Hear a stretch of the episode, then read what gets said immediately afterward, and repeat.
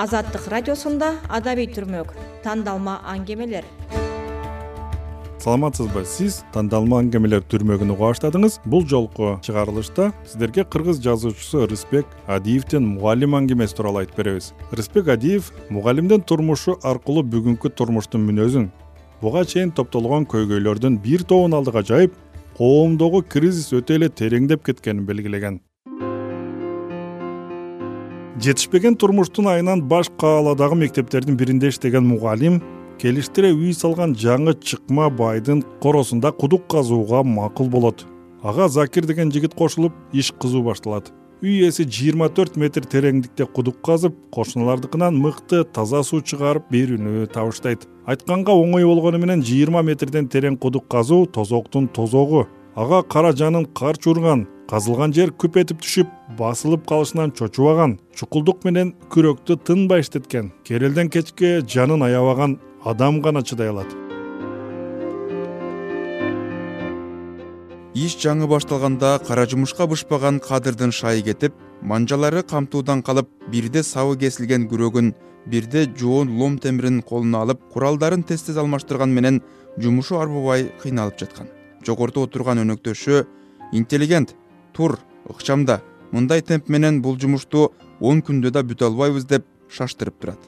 Айла жок турууга туура келет. Закир кара жумушка чымыр. Дүгдүңдөп иштей берчү. Чарчоо дегенди билбеген неме экен? Тезирээк жумушун бүткөрүп салалы деп эле турат. Аны менен кадыр ушул кудук казууга келгенде таанышты.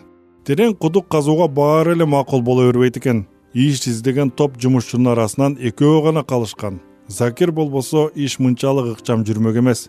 Ал буга чейин кудук казып иш ыкмасын билип калган туура. Ушул кадырга жагып экөө чогуу иштеп калышкан. Кадыр мугалимдиктин бир эки жумалык тыныгууларында эмгек биржасына чыгып колунан келген ишти аткарып азын улак тыйын таап алчу. Күзгү каникул учурунда ал биринчи жолу эмгек биржасына чыгып эки күн курулуштун калдыктарын күрөк менен автоунаага жүктөшөм деп эртеси кыймылдай албай калганын эстеди. Анда ал башкача чарчаган эле. Каруу күчү гана кетпей сай сөөктөрү ажырап кетчүдөй сыздап денеси бир укмуш ооруган. Кара жумушка көнбөгөн булчуңдары жараксыз болуп калыбына келбечүдөй алсыздаган. Бир күнү эс алып анан сөөктөрүнүн ооруганына карабай биржага кайра чыккан болчу. Бирок ошол сөөктөрүнүн сыздап ооруганы бир ай дегенде араң өттү ар күнү мектепте сабак өтүп жатканда денесин сыздата оорутуп келген ооруну тиштене жеңип окуучуларына күлүп жайнап сабак өткөнү менен ичинен оор жумуштун залакасын сезе турган. Ошентип кара жанын кыйнап отуруп тапкан акчасына кызы менен уулуна кышкы бут кийим сатып берген. Андан ашкан акчасына кыйладан бери эңсеп келген географиялык энциклопедияны дүйнөлүк адабияттын он томдук китебин сатып алган билим үчүн өмүрүн ардаган чыныгы мугалим гана келечек муунга татыктуу тарбия бериш үчүн кыйналып тапкан акчасын китепке жумшайт. Китеп деген рухий мүлктү унутуп бараткан коомдо мугалимдин мындай аракетин баалаган киши аз. Кыргыз окурманы жыл бою эки жарым барак текст окушаары буга чейин эле аныкталган. А негизи көпчүлүк эл китеп бетин ачпай күндөлүк тиричиликтин көйгөйү менен гана алектенип калганы деле жашырын жабык сыр эмес китеп окуясы кадырдын бир жумада иштеп тапкан акчасынан өөнөп китеп сатып алышынан улам козголуп калды. Ал акча болбосо кадыр менен аялынын тапканы жалдап алган ижарасына тамак аш менен жол киресине араң жетмек. Мугалимдин турмушу ушундай. Кадырдын кийинки таап алган иши кара күчтү көп талап кылганы менен акысы дурус. Келиштире үй салган жаңы чыкма кыргыз байы кудук казып аткандарга метрине эки миң сомдон төлөп бермей болгон кудук тереңдеген сайын казылган кум ташты өйдө чыгаруу кыйындап кара жумушка быша элек мугалимдин алык уруп бирок уятынан гана иштеп аткан. Ичкен тамагынын кубаты жоктугунанбы же улам улам куркулдатып суу ичкенгеби алык уруп жаны жер тартып мууну бошой берди. Булар аз келгенсип кадырдын колу жооруп күрөк кармаган сайын азап чегип айла жок иштеп аткан колдоруң жараксыз болуп калган го эртеңкиге жарабасаң таарынычым жок. Жардамчыга башка бирөөнү таап алайын. Эмгек акыңды болсо кожоюн эсептешкенде алып берем деди закир кадырдын колун кое берип жатып. Эч нерсе эмес биринчи күндөрү дайыма ушундай.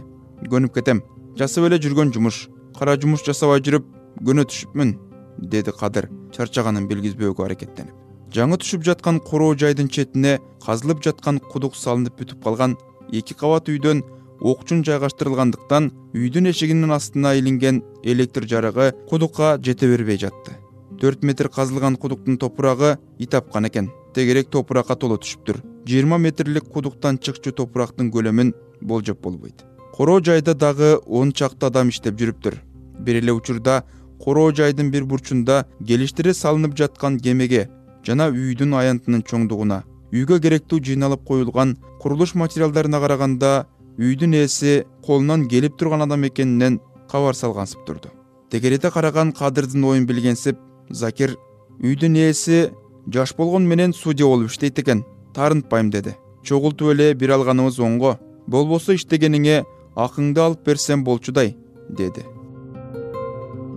Иш минтип башталып баштале электе кадырдын алы кетип мууну бошошуп жолдо эки катар токтолуп эс алып үйүнө араң жетет. Эртеси деле ошол эле иш улантылат.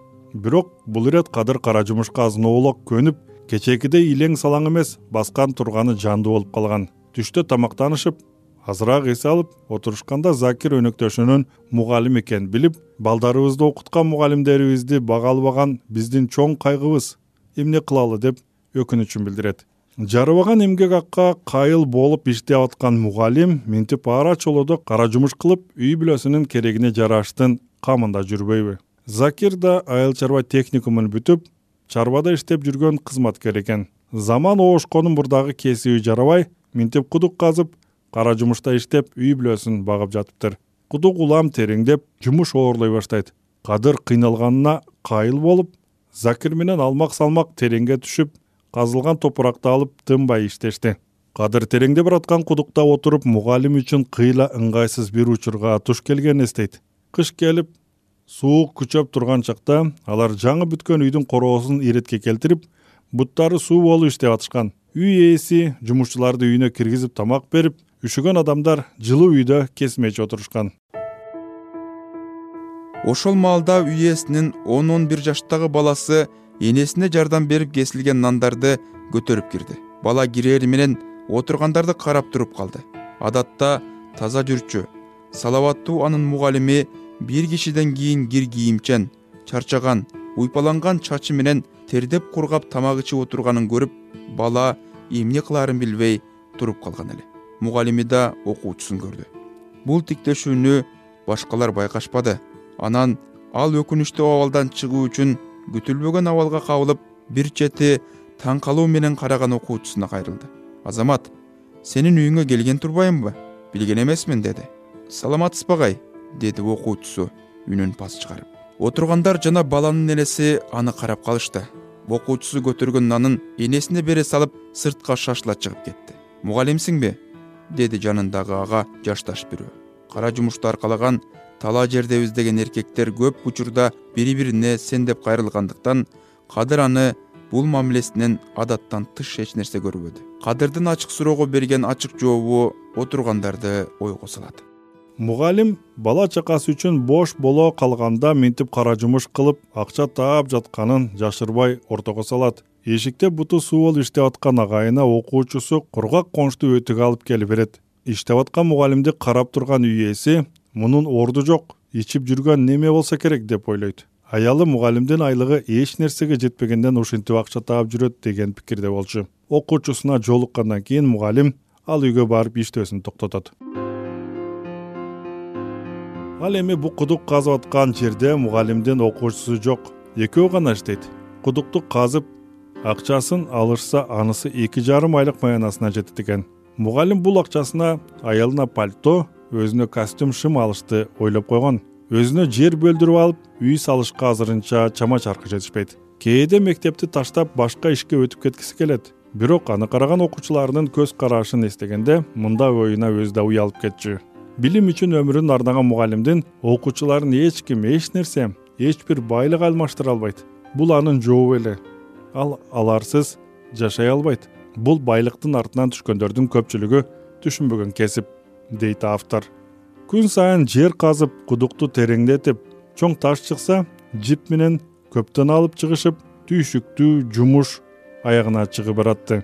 Мугалим да кара жумушка аз аздан көнүп кудук тереңдеген сайын иш аягына чыгаарын ойлоп кубанып жүргөн. Акыры тынбай жер чукуган экөө суу чыкчу катмарга жетишти. Бирок үй ээси суу чыккандан кийин да кудукту эки метр тереңдетүүнү талап кылып эмки жумуш суу ичинде улантылды. Сууну насос менен сордурушканына карабай улам көтөрүлүп муздак суу ичинде иштөө мүмкүн болбой калды. Бирок да үй ээсинин буйругун аткарыш үчүн эми экөөлөп кудук казышты токтотпой үстүнөн дагы экөө ылайды алып турмай болушту. Үй ээси кошуналардыкына караганда эки метрге терең жыйырма алты метрлик кудук каздырганын айтып мактанып муздак сууга чөмүлгөн экөө акыларын алышып жолго түшүштү экөө ажырашып өз жолдоруна түшкөндө бир топ күн чогуу иштешип бирин бири билип калган адамына бир чети сыймыктанып экинчи жагынан анын алдында өзүн уяттуу сезип закир чын эле чүнчүп турду. Мугалимдин жаңы муунга билим берген улуу өнөрдү аркалаган адамдын жаңы кыргыз коомунда туш келген көйгөйдүн бири ушул. Ал арыз арманын ачык айтуудан тартынган өзү каалаган кесибин өлөр өлгүчө таштабаган аарыдым талыдым дебей иштей берген керемет жан ушул тапта аны орундуу орунсуз сындагандар толтура. Кыйынчылыгын көрүп босогодон ат тизгинин тартып беш жыл корогон эмгегине нааразы болуп башка кесипти башка ишти жөндөп кеткендер деле толтура. Бирок да айлыгынын аздыгына үстүнө үйүп койгон милдеттеринин көптүгүнө нааразы болбой күн сайын мектепке келип сабагын өтүп жаңы муунга жакшылыктын үрөөнүн сээп келаткан биздин замандын баатырларына рахмат айтып алардын турмушун жасап түзөбөй натуралисттик тактык менен сүрөттөп берген рысбек адиевдин аңгемесинде козголгон көйгөйлөр азыркы кыргыз коому үчүн өзгөчө маанилүү актуалдуу экенин белгилей кетким келет.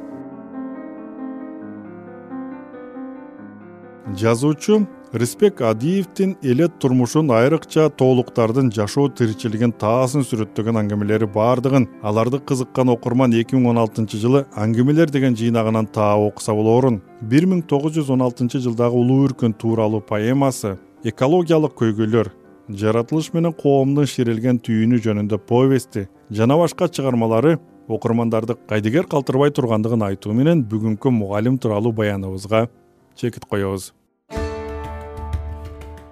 угарман тандалма аңгемелер түрмө көздүн бүгүнкү чыгарылышында биз кыргыз жазуучусу рысбек адиевдин мугалим аңгемеси тууралуу айтып бердик. Баянды даярдаган бекташ шамшиев текстин окуган сабыр абдымомунов. Азаттыктын баардык түрмөктөрүн подкаст платформалардан таап уксаңыз болот. Эсен туруңуз.